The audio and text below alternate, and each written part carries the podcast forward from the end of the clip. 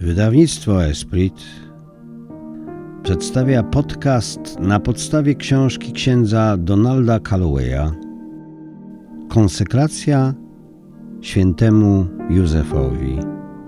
Cuda naszego duchowego ojca. Tłumaczyła Małgorzata Samborska. Święty domek z Loretto. Czy ktoś, kto odwiedził Loretto, nie widział na własne oczy i nie słyszał na własne uszy potężnych dzieł Boga i nie odczuł ich we własnej duszy? Święty Piotr Kanizjusz Najświętszy dom na świecie stoi we Włoszech. Dobrze przeczytałeś. Stał w Ziemi Świętej, ale się przeniósł. Rodzinny dom Jezusa, Maryi i Józefa znajduje się we włoskim mieście Loreto. Jak tam się dostał? Zaraz usłyszysz prawdziwą historię o tym, jak aniołowie przenieśli z Nazaretu do Włoch dom świętej rodziny. Opowieść jest tak fascynująca, że po jej przeczytaniu prawdopodobnie zapragniesz pojechać do Loreto. Według opinii historyków dom świętej rodziny stał w Nazarecie przez 13 wieków. Potem 10 maja 1291 roku nagle zniknął. Zostały po nim jedynie fundamenty. Wszyscy mieszkańcy miasteczka zauważyli zniknięcie domu. Cała społeczność była zdumiona. Było niemożliwe, aby jeden człowiek lub grupa ludzi rozebrała budynek tak szybko, że nikt niczego nie zauważył. Zgodnie z tradycją, dom ten zabrali z Nazaretu aniołowie.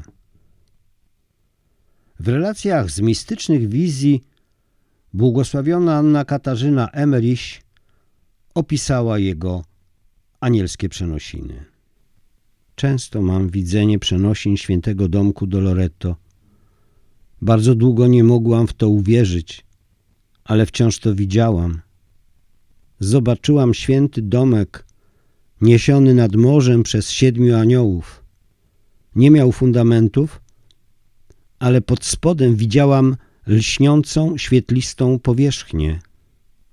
Z dwóch przeciwległych stron było coś w rodzaju uchwytu. Trzy anioły niosły dom z jednej strony i trzy z drugiej.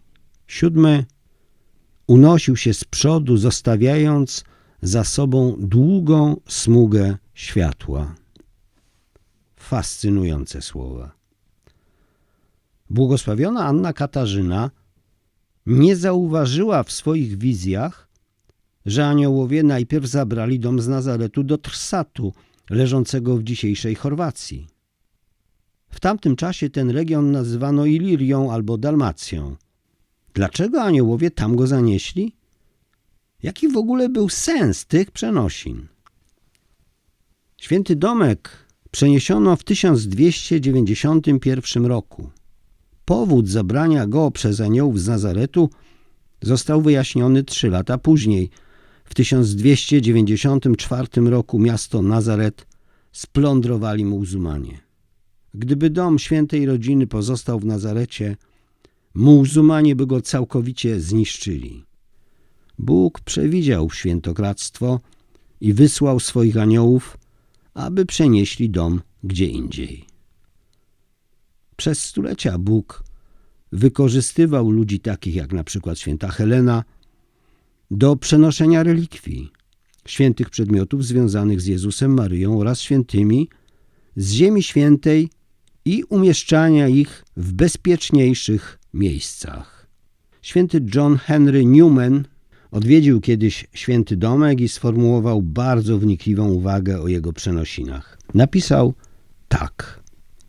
Ten, który sterował arką Noego po wzburzonych falach morza, zalewającego świat i zamknął w niej wszystkie żywe istoty, ukrył ziemski raj, powiedział, że wiara przenosi góry, karmił tysiące przez czterdzieści lat w jałowej głuszy, uniósł Eliasza i trzymał w ukryciu aż do końca, mógł uczynić także ten cud. Stało się tak, że możemy oglądać wszystkie pamiątki po naszym Panu i Jego świętych zgromadzone w sercu chrześcijaństwa, a zabrane z krańców świata, gdzie powoli wdarło się pogaństwo i je otoczyło, to znaczy jego relikwie. Święty Augustyn opuścił Hipponę. Prorok Samuel i święty Stefan porzucili Jerozolimę. Kołyska, w której leżał nasz Pan, opuściła Betlejem razem ze świętym Hieronimem. Krzyż wykopano. Święty Atanazy wyruszył do Wenecji. Mówiąc krótko, nie trudno mi w to uwierzyć. Czemu aniołowie zanieśli dom najpierw do Chorwacji? Dlaczego nie prosto do Włoch? Nikt nie zna odpowiedzi na to pytanie. Być może Bóg pragnął pobłogosławić ziemię chorwacką obecnością świętego domku, zanim znajdzie się on w miejscu przeznaczenia. Jezus kiedyś uzdrowił głuchego powoli, w kilku etapach, nie natychmiast. Dzięki kilkakrotnym przenosinom domu przez aniołów w różne miejsca świata, zanim ostatecznie stanął w Loreto, było wielu świadków jego cudownego znikania i pojawiania się. Boża zgoda na wielokrotne przenosiny domku przed postawieniem go w Loretto dowodzi, że nie przenosili go ludzie, tylko święci aniołowie Boga. Przyjrzyjmy się z bliska wszystkim cudownym przenosinom świętego domku.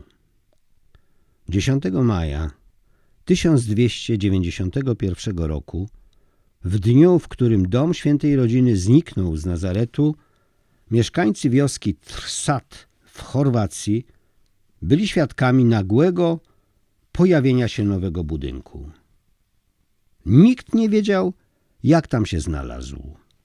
Co ciekawe, ludzie zauważyli, że cztery ściany domu stoją bezpośrednio na ziemi, nie było fundamentów. Domek stał w Chorwacji trzy lata, a następnie 10 grudnia 1294 roku nagle w cudowny sposób zniknął. Nikt z mieszkańców wioski nie widział jego przenosin. Pozostał po nim jedynie ślad na ziemi. Do dziś w kościele w chorwackim Trsacie zaznaczone jest dokładnie miejsce, w którym święty domek stał przez trzy lata. Dokąd dom trafił z Chorwacji? Aniołowie zanieśli go przez Adriatyk do miasta Piceno we Włoszech. Niezwykłe, że wydarzyło się tam to samo. Nikt nie widział, jak dom przenoszono, ani nie wiedział, skąd się tam wziął. Dom pozostał na miejscu przez osiem miesięcy. Stał w Piceno tak krótko, ponieważ rabusie zaczęli okradać pielgrzymów, wielu przybywało z Chorwacji, którzy odwiedzali święty domek. W sierpniu 1295 roku budynek znów zniknął. Pojawił się ponownie niedaleko Piceno, na wzgórzu należącym do dwóch braci. Wybuchł spór między nimi o to, kto jest właścicielem domu. Bracia nie potrafili go rozstrzygnąć. Zaczęli wyzyskiwać pielgrzymów i gromadzić zyski. Święty domek pozostał na ich ziemi tylko kilka miesięcy, a potem znów cudownie zniknął. Pod koniec grudnia 1295 roku aniołowie zabrali święty domek i postawili o rzut kamieniem od poprzedniej lokalizacji na tyle jednak daleko, aby nie znajdował się na ziemi braci. To miejsce nosi nazwę Loreto. Tam święty domek stoi do dziś. Cud czterokrotnego przenoszenia świętego domku przez aniołów stał się przyczyną, dla której Kościół katolicki ogłosił Matkę Bożą Loretańską patronką lotników. Skąd wiemy, że ta opowieść jest prawdziwa? W roku 1296, rok po przybyciu świętego domku do Loreto, wyznaczył 16 wysłanników do przeprowadzenia śledztwa. Odwiedzili oni Loreto, Chorwację i Nazaret. Przeprowadzili szczegółowe badania, aby sprawdzić przebieg wydarzeń. Najpierw pojechali do Loreto. Na miejscu w Loreto przeprowadzili dokładne pomiary budynku, notując wszystkie szczegóły. Następnie wyruszyli do Trsatu w Chorwacji, na miejsce, w którym stał dom. Zmierzyli ślady pozostawione w ziemi przez ściany. Później wybrali się do Nazaretu, aby porównać pomiary z Loretto i Trsatu z oryginalnymi fundamentami. Trudno w to uwierzyć, ale we wszystkich trzech miejscowościach Loretto, Trsat i Nazaret wymiary były dokładnie takie same. Nie było żadnych rozbieżności. Wszystko idealnie pasowało. Kilkaset lat później naukowcy przeprowadzili analizę chemiczną kamieni, z których zbudowano ściany świętego domku w Loreto. Przebadano również chemicznie drewno użyte do konstrukcji sufitu. Co odkryto? Ściany świętego domku są zbudowane z kamieni występujących wyłącznie w okolicy Nazaretu. Również drewno w suficie pochodzi z tej samej okolicy Nazaretu. Ustalono nawet, że zaprawę użytą do budowy domu zrobiono z materiałów pochodzących z Ziemi Świętej. Skutkiem ogłoszenia wyników badań było rozpoczęcie budowy większego kościoła wokół domku, który miał pomieścić pielgrzymów licznie przybywających do Loreto. Potwierdzając prawdziwość tych cudownych wydarzeń, pielgrzymi zaczęli przyjeżdżać co roku do Loreto z Trsatu, prosząc Boga, aby przeniósł święty domek z powrotem do Chorwacji. Od 1295 roku, czyli od przybycia świętego domku do włoskiego Loreto, prawie 50 papieży potwierdziło jego cudowne przeniesienie przez aniołów, czasem nazywając to translacją domu świętej rodziny. W XV wieku dwóch papieży doznało w nim cudownego uzdrowienia. W wieku XVI święty domek otoczono ufortyfikowaną bazyliką, która miała go chronić przed atakami muzułmanów. Później, aby jeszcze bardziej wzmocnić budynek, obłożono go marmurem kararyjskim. Prawie wszyscy papieże po Piusie II, jednym z cudownie uzdrowionych papieży z XV wieku, mówili o cudownym przeniesieniu. Święty Alfons Maria Liguori. Dlaczego Bóg i Kościół podjęli takie środki, by zachować ten dom? Ponieważ to miejsce wcielenia. Zgodnie z tradycją, Maryja urodziła się i wychowała w świętym domku. Tu ukazał się dziewicy Archanioł Gabriel i słowo stało się ciałem. To dom nadprzyrodzonych cudów. Mówi się, że Maryja urodziła się w mieście Nazaret i w rzeczy samej w tej samej izbie, w której okryta cieniem przez Ducha Świętego później poczęła po pozdrowieniu anioła. Święty Hieronim. W Loretto oddają cześć prawdziwemu domowi z Nazaretu. Ten dom z wielu powodów jest drogi Bogu. Zbudowano go pierwotnie w Galilei, a później oderwano od fundamentów, przeniesiono boską mocą przez morze, najpierw do Dalmacji, a stamtąd do Włoch. Błogosławiony dom, w którym Przenajświętsza Dziewica, wybrana przed całą wiecznością i całkowicie wolna od grzechu pierworodnego, była poczęta, urodziła się i wychowała, gdzie posłaniec z nieba pozdrowił ją jako pełną łaski, gdzie stała się matką jedynego Syna Bożego. Błogosławiony papież Pius IX. Święta rodzina mieszkała w Nazarecie w świętym domku. Jest on często nazywany świętym domkiem Maryi, ale zasługuje również na to, aby go nazywano świętym domkiem Józefa. Nie jest pewne, kiedy i jak święty Józef wszedł w posiadanie tego domu, ale najprawdopodobniej było to konsekwencją jego małżeństwa z Maryją. Najnowsze wykopaliska prowadzone w pobliżu Bazyliki Zwiastowania wykazały, że dom z okresu dzieciństwa Maryi stał się schronieniem świętej rodziny. Kiedy pielgrzymi przybywają do Ziemi Świętej, zwykle jadą do Nazaretu obejrzeć Bazylikę Zwiastowania, gdzie kiedyś stał święty domek i gdzie pozostały fundamenty Izby Wcielenia. Wielu pielgrzymów nie ma pojęcia, że niedaleko Bazyliki znajduje się warsztat świętego Józefa. Według tradycji, Kiedy Józef zaręczył się z Maryją, ale zanim zamieszkali razem, przebywał on i pracował we własnym domu po sąsiedzku. Później wybrali na wspólne mieszkanie dom rodzinny Maryi, a Józef w swoim domu urządził warsztat. Dzięki temu łatwiej nam zrozumieć, dlaczego święty Józef był nieobecny w czasie zwiastowania, gdy anioł przybył do Maryi. Wtedy jeszcze nie mieszkali razem. Święty domek jest wyjątkową relikwią, którą odwiedziły setki, a może nawet tysiące świętych. Przed przeniesieniem do Loretto oglądali go w Nazarecie święty Franciszek z Asyżu i święta Helena. Po mistycznych przenosinach do Loretto niezliczeni święci pielgrzymowali, aby go zobaczyć. Byli wśród nich święty Ignacy Loyola, święty Franciszek Ksawery, pielgrzymował do Loretto przed wyruszeniem z misjami do Indii, święty Franciszek Borgia, święty Karol Boromeusz, święty Piotr Kanizjusz bronił prawdy o świętym domku przeciw protestantom, którzy nazywali to legendą. Święty Alojzy Gonzaga, święty Jakub z Marchi, święty Stanisław Kostka, Franciszek Salezy, święty Alojzy Guanella, święty Wawrzyniec Brindisi, święty Józef Labr tak często odwiedzał święty domek, że nazywają go świętym z Loretto.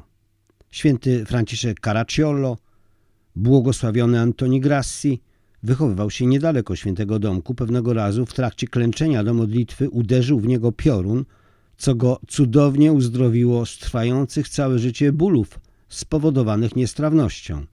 W rezultacie przysiągł raz w roku pielgrzymować do świętego domku.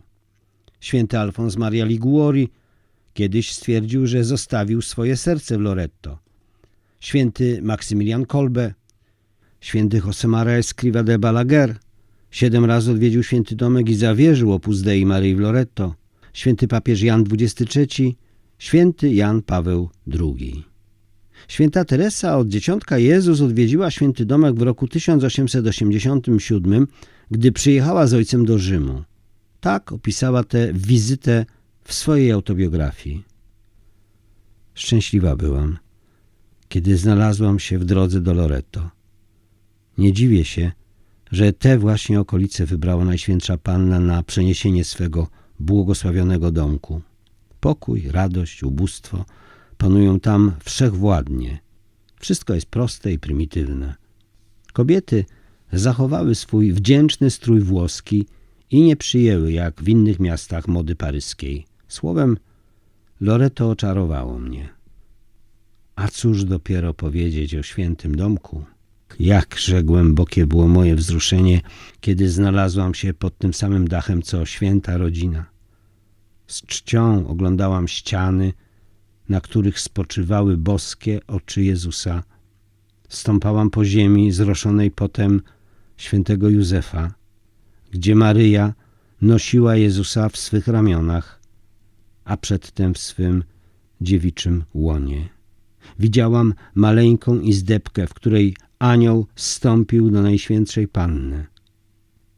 Włożyłam mój różaniec do miseczki dzieciątka Jezus.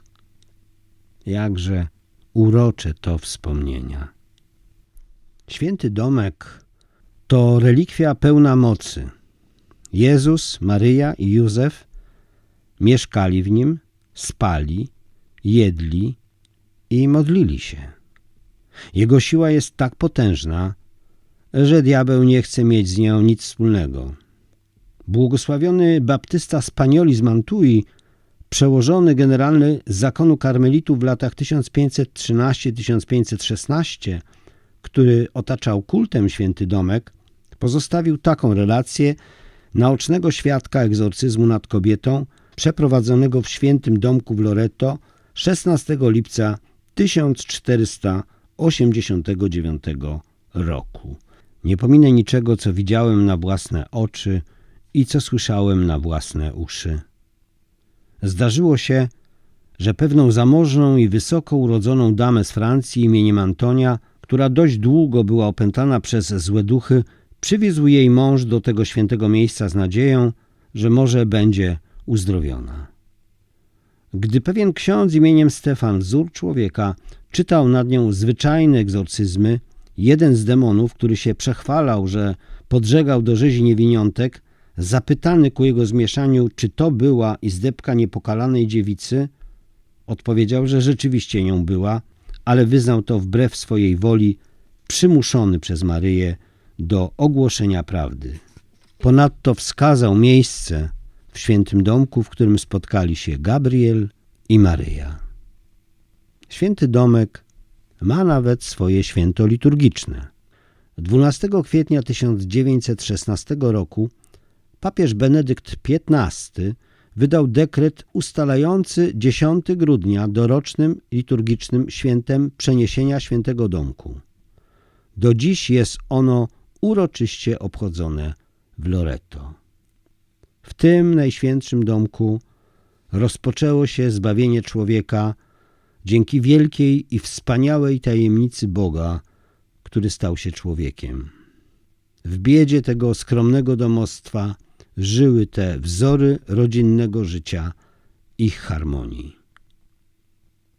Czyż nie dzięki niesłychanemu cudowi ten święty domek został przeniesiony nad lądem i nad morzem z Galilei do Włoch? Przez nadzwyczajny akt szczodrobliwości ze strony miłosiernego Boga umieszczono go najpierw w naszych pontyfikalnych Włościach, gdzie przez wiele stuleci był obiektem kultu wszystkich narodów świata i gdzie olśniewa nieprzerwanym ciągiem cudów. Błogosławiony papież Pius IX. Święty domek z Loretto jest chatą, w której Boże Słowo przyjęło ludzkie ciało, a został przeniesiony dzięki działaniu aniołów.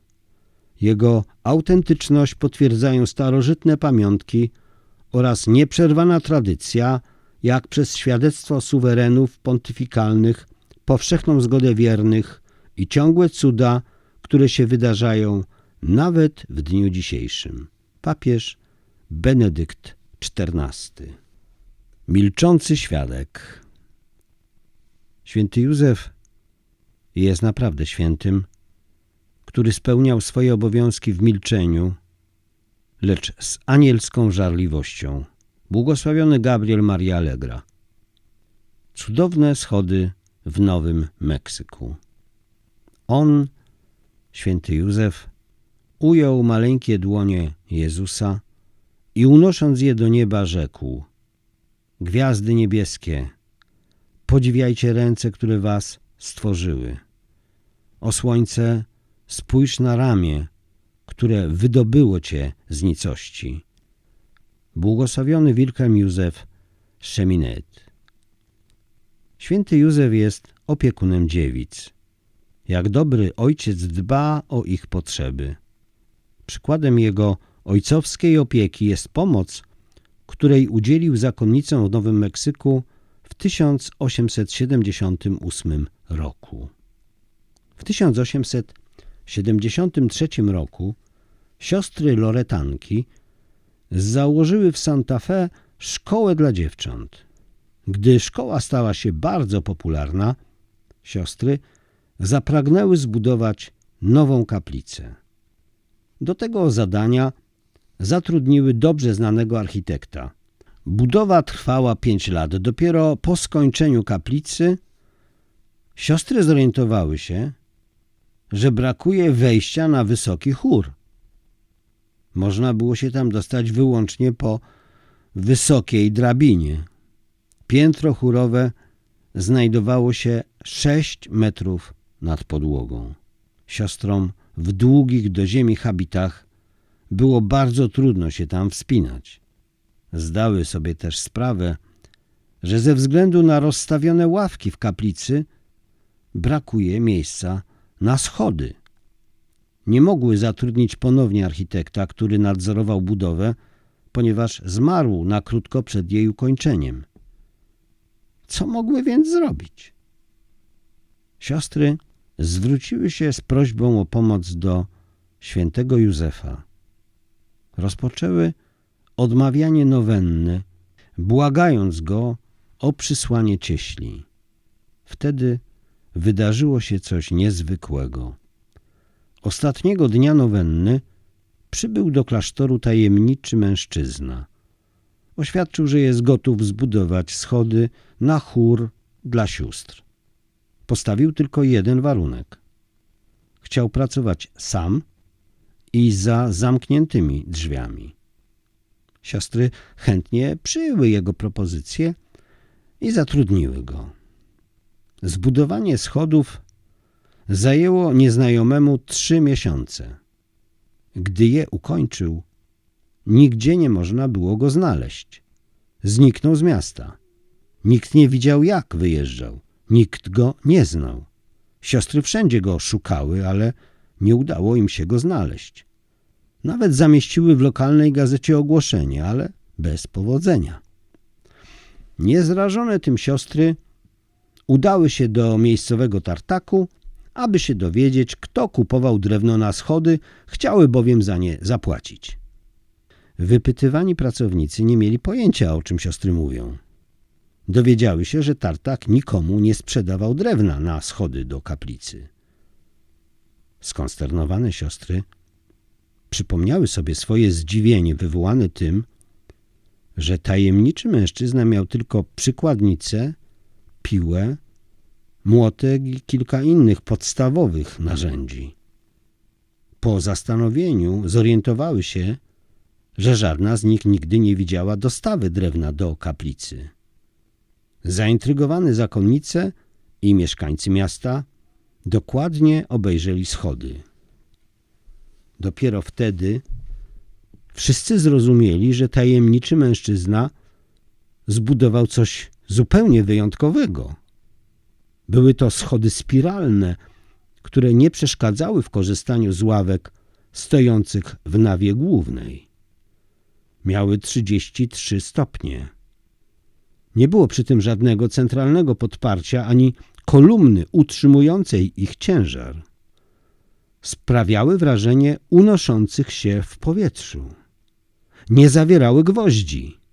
Odkryto, że w całości utrzymują je drewniane kołki. Te schody to cud architektury, arcydzieło cieśli. Skąd zatem pochodziło drewno? W roku 1996 zbadał schody Forest Isley, leśnik i technolog drewna pracujący dla Służby Leśnej Stanów Zjednoczonych oraz dla Laboratorium Badań Morskich Stanów Zjednoczonych. Szczegółowe testy wykazały, że zbudowano je ze świerku, ale niepodobnego do innych gatunków tego drzewa na świecie. Wykonano dodatkowe badania. Ustalono, że świerk, który najbardziej przypomina gatunek wykorzystany do budowy schodów, rośnie wyłącznie w Izraelu. Kim był tajemniczy mężczyzna, który zbudował schody? Siostry Loretanki wierzą, że był nim święty Józef. Ojciec duchowy wysłuchał modlitw i próśb o przysłanie kogoś, kto im zbuduje schody.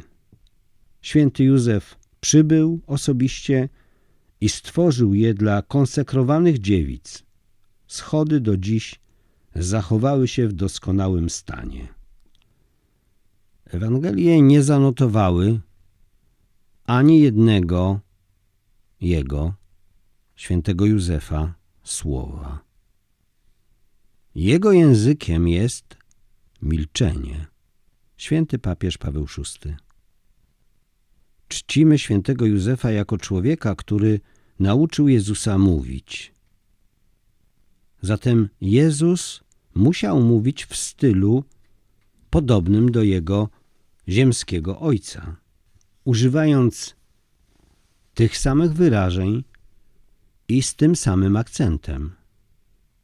A jednak w Nowym Testamencie nie zanotowano ani jednego słowa wypowiedzianego przez świętego Józefa.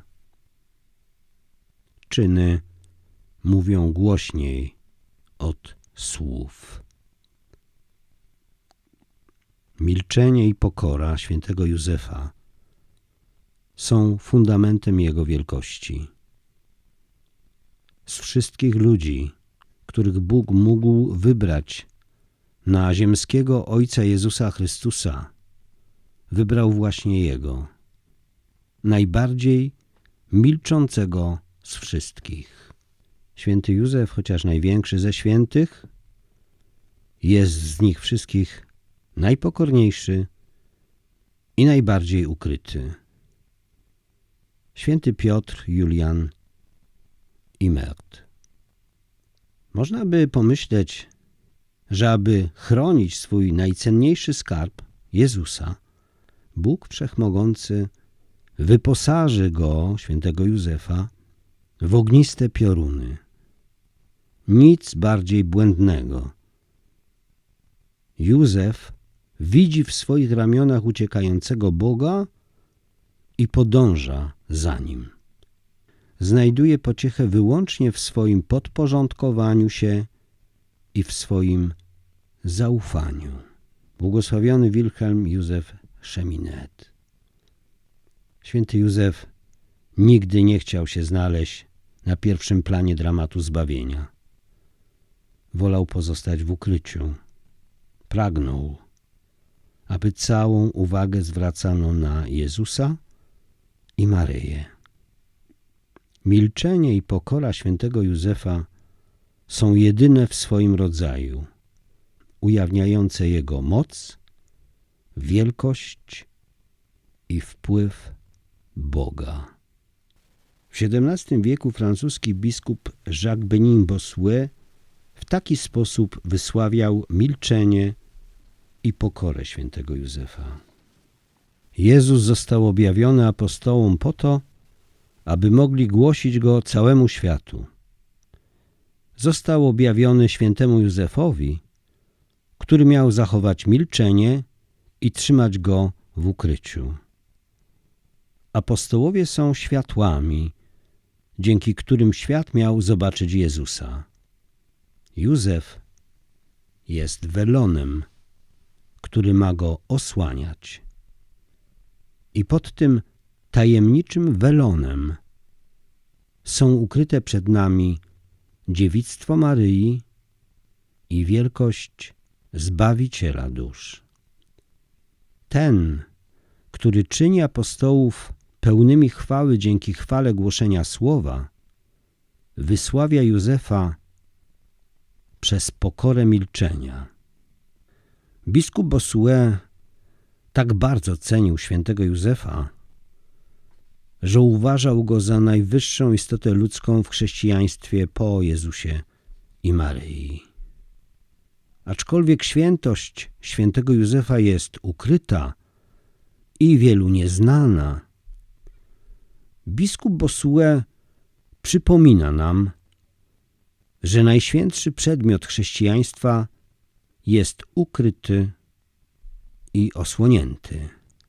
Kościół najbardziej ukrywa najcenniejszą rzecz, którą posiada. Biskup Bossuet mówi o przenajświętszym sakramencie, ukrytym we wszystkich tabernakulach świata. Ciekawe jest jednak to, że gdy zaczęto coraz częściej wystawiać Najświętszy Sakrament, wtedy też święty Józef znalazł się na pierwszym planie i w centrum nabożeństwa Kościoła. Odkrycie świętego Józefa ukazuje jeden z największych skarbów chrześcijaństwa. Wcześniejsze pokolenia byłyby zachwycone pogłębieniem rozumienia roli świętego Józefa w Kościele i nabożeństwa do niego, jakie mamy we współczesnych czasach. Bo chociaż kult Józefa był wtedy na etapie początkowym, to wierni kochali go i z radością przyjęliby więcej światła, gdyby w ich czasach było ono dostępne. W przeszłości zdarzały się już odkrycia wielkości świętego Józefa. W XIV wieku wielu świętych i uczonych wniosło do życia i teologii Kościoła większą świadomość cudów świętego Józefa poprzez własne nabożeństwo i osobiste świadectwa. W XVII wieku święty Józef objawił się w Europie we własnej osobie – a gdy świat o tym usłyszał, zaczęto przywiązywać do jego roli większą wagę. 7 czerwca 1660 roku we francuskiej miejscowości Cotignac święty Józef objawił się pasterzowi, rozmawiał z nim, dokonał cudów i uzdrowień. Według relacji w połowie upalnego dnia pasterz Gaspard Ricard szukał schronienia w cieniu drzew na górze Bessilon, niedaleko miasta Cotignac, w południowo-wschodniej Francji. Gaspardowi bardzo chciało się pić. Nie wiedział jak zaspokoić pragnienie. Nagle ukazał się mężczyzna o szlachetnym wyglądzie. Wskazał skałę i powiedział: Jestem Józef, podnieś tę skałę, a będziesz pił. Skała była ogromna. Gaspard powiedział mężczyźnie, że sam nie da rady jej podnieść. Niezrażony tym mężczyzna powtórzył polecenie. Gaspard niechętnie podszedł do skały i ku własnemu zdumieniu udało mu się ją poruszyć. Spod głazu natychmiast wypłynęła czysta woda. Gaspard napił się z wielką ochotą. Wstał, aby podziękować nieznajomemu, ale mężczyzna już zniknął. Nie wiedząc dokąd poszedł nieznajomy, Gaspard zbiegł do wioski, żeby opowiedzieć ludziom, co mu się przydarzyło. Spodziewał się, że zostanie wyśmiany i wyszydzony. Jego opowieść okazała się jednak tak intrygująca, że wielu mieszkańców wioski poszło za nim zobaczyć źródło czystej wody. Zauważyli przesuniętą ogromną skałę, a także miejsce, na którym przedtem leżała. Aby mieć lepszy dostęp do wody, mężczyźni z wioski próbowali przesunąć głaz kawałek dalej. Udało się go poruszyć dopiero ośmiu z nich. Wtedy Gaspard zrozumiał, że odwiedził go wielki święty Józef. Szybko rozeszły się wieści o tym, co się wydarzyło. Ludzie zaczęli zjeżdżać z całej Francji, żeby zobaczyć źródło. Dzięki ich wierze wydarzyło się wiele cudów. Modlili się do Boga o uzdrowienie, a Bóg czynił cuda za wstawiennictwem świętego Józefa, wykorzystując w tym celu cudowne źródło. Król Francji Ludwik XIV usłyszał o wydarzeniach w wiosce i zrobiły one na nim ogromne wrażenie. Był tak poruszony, że 19 marca 1661 roku zawierzył całą Francję świętemu Józefowi, a uroczystość ku jego czci ogłosił świętem narodowym. Cotignac szybko stało się tak popularne, że miejscowa ludność zbudowała sanktuarium pod wezwaniem świętego Józefa wokół cudownego źródła. Przez ponad 100 lat było ono celem licznych pielgrzymek, ale w okresie rewolucji francuskiej opustoszało i popadło w ruinę. W roku 1978 odbudowano je. Obecnie troszczą się o nie siostry benedyktynki. Bóg nauczał Kościół o wielkości świętego Józefa za pośrednictwem pism świętych i mistyków takich jak święta Brygida Szwedzka, sługa Boża Maria Zagredy i błogosławiona Anna Katarzyna Emeriś. Pewnego razu błogosławiona dziewica pouczyła świętą Brygidę o wielkości świętego Józefa, szczególnie podkreślając cud jego milczenia. Święty Józef był tak powściągliwy i ostrożny w mowie, że z jego ust nie wyszło ani jedno słowo, które nie byłoby dobre czy święte. Nigdy też nie pozwalał sobie na błahą czy niebudującą rozmowę. Cierpliwie i wytrwale wytrzymywał zmęczenie. Znosił skrajne ubóstwo. Z łagodnością cierpiał poranienia. Był silny i stanowczy wobec wrogów. Był wiernym świadkiem cudów niebiańskich. We współczesnych czasach Bóg nadal odsłaniał wielkość świętego Józefa, wykorzystując w tym celu pisma dwóch najbardziej znanych i kochanych świętych Kościoła świętej Teresy od Dzieciątka Jezus i świętej Faustyny Kowalskiej. Ich autobiografie należą do najpopularniejszych dzieł współczesnych świętych. Święta Teresa opisuje swoje umiłowanie świętego Józefa w dziejach duszy. Opowiada czytelnikom, że od dziecka miała do niego ogromne nabożeństwo. Przytacza opowieść o swoim cudownym uleczeniu dzięki wstawiennictwu świętego, kiedy była małą dziewczynką. Święta Teresa wspomina, jak już później jako karmelitanka codziennie modliła się do świętego Józefa. Przypisywała mu niezliczone łaski, które otrzymała. Święty Józef często ukazywał się świętej Faustynie Kowalskiej w objawieniach. Zapewniał ją o swojej opiece w jej ważnej misji upowszechniania Bożego Miłosierdzia. Podobnie jak święta Teresa, Faustyna również modliła się codziennie do świętego Józefa i opisała swoje przeżycia w dzienniczku. Święci i mistycy Kościoła wiele uczynili, aby odkryć wielkość świętego Józefa, przede wszystkim jednak sama błogosławiona dziewica robi najwięcej, aby jej mąż był znany i kochany. Wystarczy pomyśleć.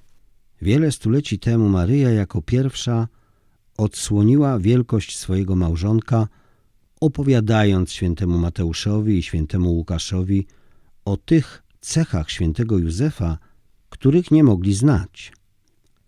Święty Mateusz i święty Łukasz nigdy nie poznali świętego Józefa osobiście. Nigdy go nie spotkali, ani z nim nie rozmawiali. Najprawdopodobniej Maryja opowiedziała o nim obu ewangelistom i tak święty Józef znalazł się na kartach Pisma Świętego. Była jedynym źródłem informacji o świętym Józefie w Nowym Testamencie. Chciała, aby dla jej męża znalazło się tam należne mu miejsce, dlatego choć sam Józef niewiele mówił, Maryja mówiła za niego. Dziś Maryja znów przemawia w imieniu męża. Dzięki niej staje się on znany. Podczas swoich objawień Maryja przyprowadza go ze sobą i uczy Kościół o jego znaczeniu. Oczywiście jest to działanie Trójcy Przenajświętszej, ale nie może być żadnej wątpliwości, że Maryi sprawia to ogromną przyjemność, też tego pragnie. Wygląda to tak, jakby Maryja raz jeszcze prosiła Jezusa o więcej wina na wesele. Więcej w książce księdza Donalda Callowaya Konsekracja świętemu Józefowi Cuda naszego duchowego Ojca. Wydawnictwo Esprit.